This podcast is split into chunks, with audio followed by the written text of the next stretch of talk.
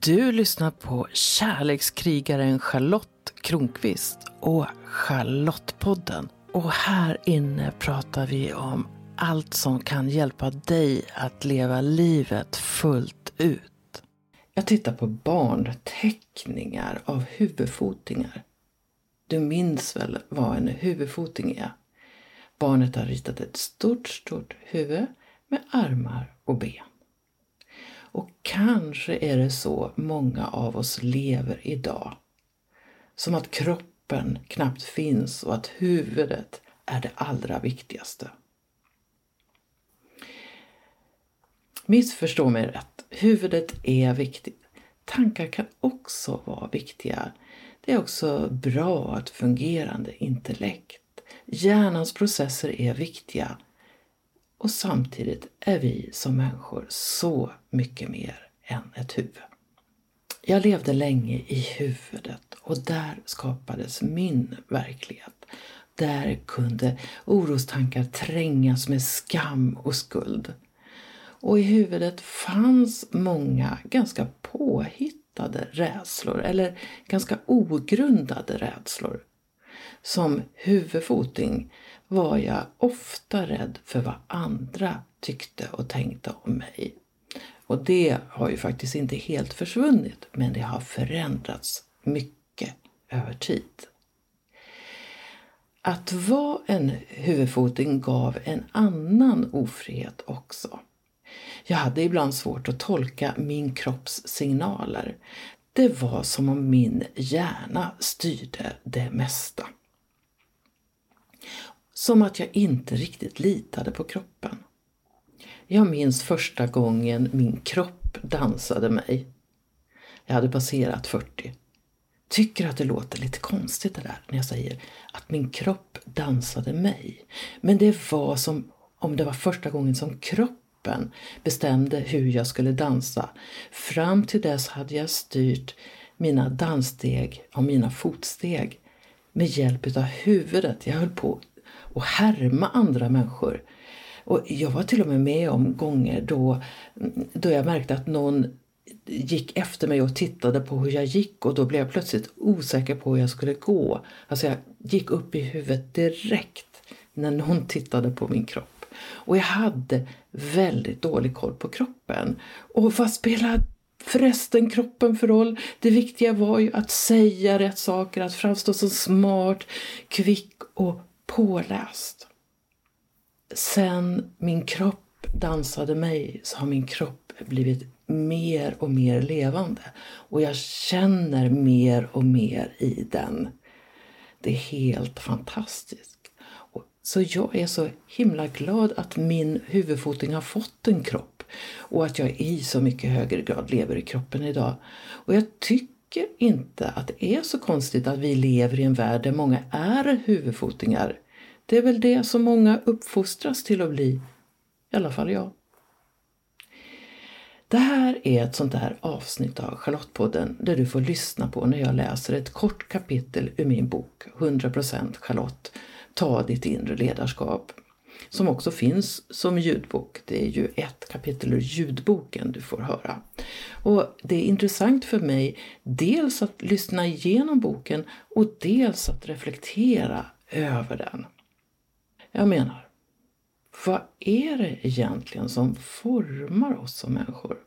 Jo, arvet är en viktig del och till det kommer ju också livets erfarenheter.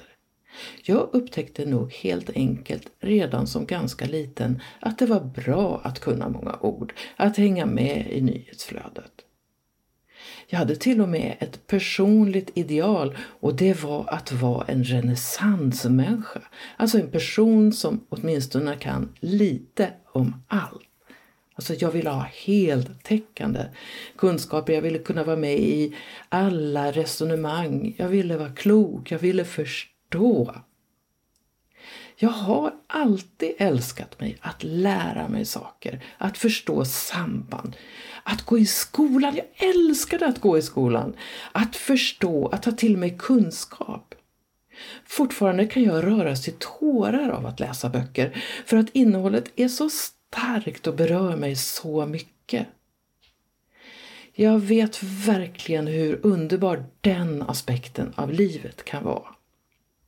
Men vi är ju inte bara ett huvud, inte bara en hjärna. Vi lever i kroppar. Och den senaste tredjedelen av mitt liv har jag verkligen utforskat kroppen och sexualiteten. Kroppen har fått ökad betydelse för mig och jag fascineras också av hur mycket njutning kroppen kan ge. Jag har fått en ökad känslighet i kroppen kroppen. Jag känner mer och jag älskar det. I det här korta kapitlet ur 100% Charlotte-boken så beskriver jag 20-åriga Charlotte klädd i svart och med en cigg i mungipan. En tuffing, en tjej med attityd och ack så osäker och så dömande mot andra. Jag såg ner på sexiga tjejer. Jag kallade dem bimbos och drog skämt om dumma blondiner trots att min egen lugg var blond. Som jag försökte dölja min osäkerhet bakom den där fasaden. Och så nytta jag hade av att vara huvudfoting. Jag kunde ju diskutera de flesta ämnen som var aktuella då. Lyssna när jag läser det här kapitlet och reflektera över om du själv är eller har varit en huvudfoting. Hur har det perspektivet i så fall påverkat ditt liv? Har du också varit med om att kroppen påkallar uppmärksamhet? Har du liknande erfarenheter som jag, att kroppen då och då kan ta över? Och hur mycket tar du hand om din kropp? Ser du också till att den får vad du behöver?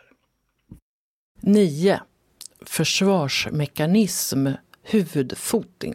På 1970-talet var utseendet inte så viktigt. I mina kretsar ingick varken smink eller bh. Jag skulle se lite sjavig ut och inte spela på min sexualitet.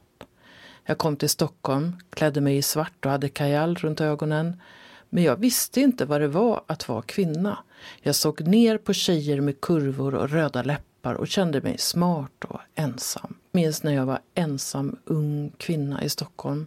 Jag stod vid baren på krogen och försökte tala med män. Det gick bäst när jag bad om eld till ciggen. När jag försökte tala om något väsentligt var det som att de blev impotenta. Det var jobbigt ibland. Jag var väl inte supersmart, men jag gillade att tänka, att diskutera, att ifrågasätta. Jag hade vuxit upp bland huvudfotingar. Det som premierades var snabba tankar och kunskap. Där stod jag på krogen och var en huvudfoting. Jag visste hur jag skulle prata om successionsordning, men jag kunde inte avgöra om någon flörtade med mig. Jag upplevde inte att någon spanade in mig. Jag saknade totalt radar för sånt. Jag var insnärjd i mitt huvud. Jag var så upptagen av att tala om viktiga, verkliga saker som politik, journalistik eller samhället att jag tappade bort det mesta utom just knoppen. Jag var smart men samtidigt inte alls street smart. När jag tittar på mig själv i backspegeln så är det så, hur ska jag säga, dumt. Å ena sidan fanns den unga kvinnan som till varje pris skulle vara smart. Som lärt sig att smartness var ett bra sätt att ta sig fram i världen. Å andra sidan missade hon totalt att hennes smartness inte funkade i alla miljöer. Men så kanske det går när kroppen inte är med. När jag var så upptagen av hur jag uppträdde, när jag var så självupptagen att jag inte riktigt var med själv. När jag tittar på bilder på mig kan jag se att jag var söt, det fattade jag inte då. Och om jag hade gjort det så hade det förmodligen inte spelat så stor roll. Jag hade en bestämd uppfattning om hur saker och jag själv skulle vara och göra. Jag levde i en svartvit värld och hade ännu inte upptäckt gråskalorna. De som tyckte som jag var mina vänner och de som tyckte något annat var potentiella fiender. Jag såg ner på tjejer som spelade på sitt utseende, som verkligen fångade in män. Faktum är att jag föraktade dem. Trots att jag var blond själv drog jag skämt om dumma blondiner. Jag älskade att bli kallad en smart blondin. Så lite jag fattade om kroppar. Jag var helt enkelt kroppsdum. Jag undrar hur livet hade blivit om jag både hade putat på läpparna och pratat om det senaste paradigmskiftet. Hur hade det blivit om jag klätt mig i urringade tröjor, haft rödmålade naglar och kallat mig feminist? Hade jag gillat mig själv då? Helt omedveten om kroppen var jag ändå inte. Jag gick klädd i svart. Jag hade en cool image. Folk trodde nog att jag var rätt tuff. Men kroppssmart var jag inte. Din läxa. Har du också varit helt uppe i huvudet? Hur märkte du det? Ja, hur märkte du att du var i huvudet? Och om du fortfarande är kvar där så kanske du kan lägga in något som ökar din relation till kroppen. I min senaste bok Lekfull tantra, din väg till att njuta av livet har kroppen en av huvudrollerna. Det finns flera övningar med fokus på kroppen i den.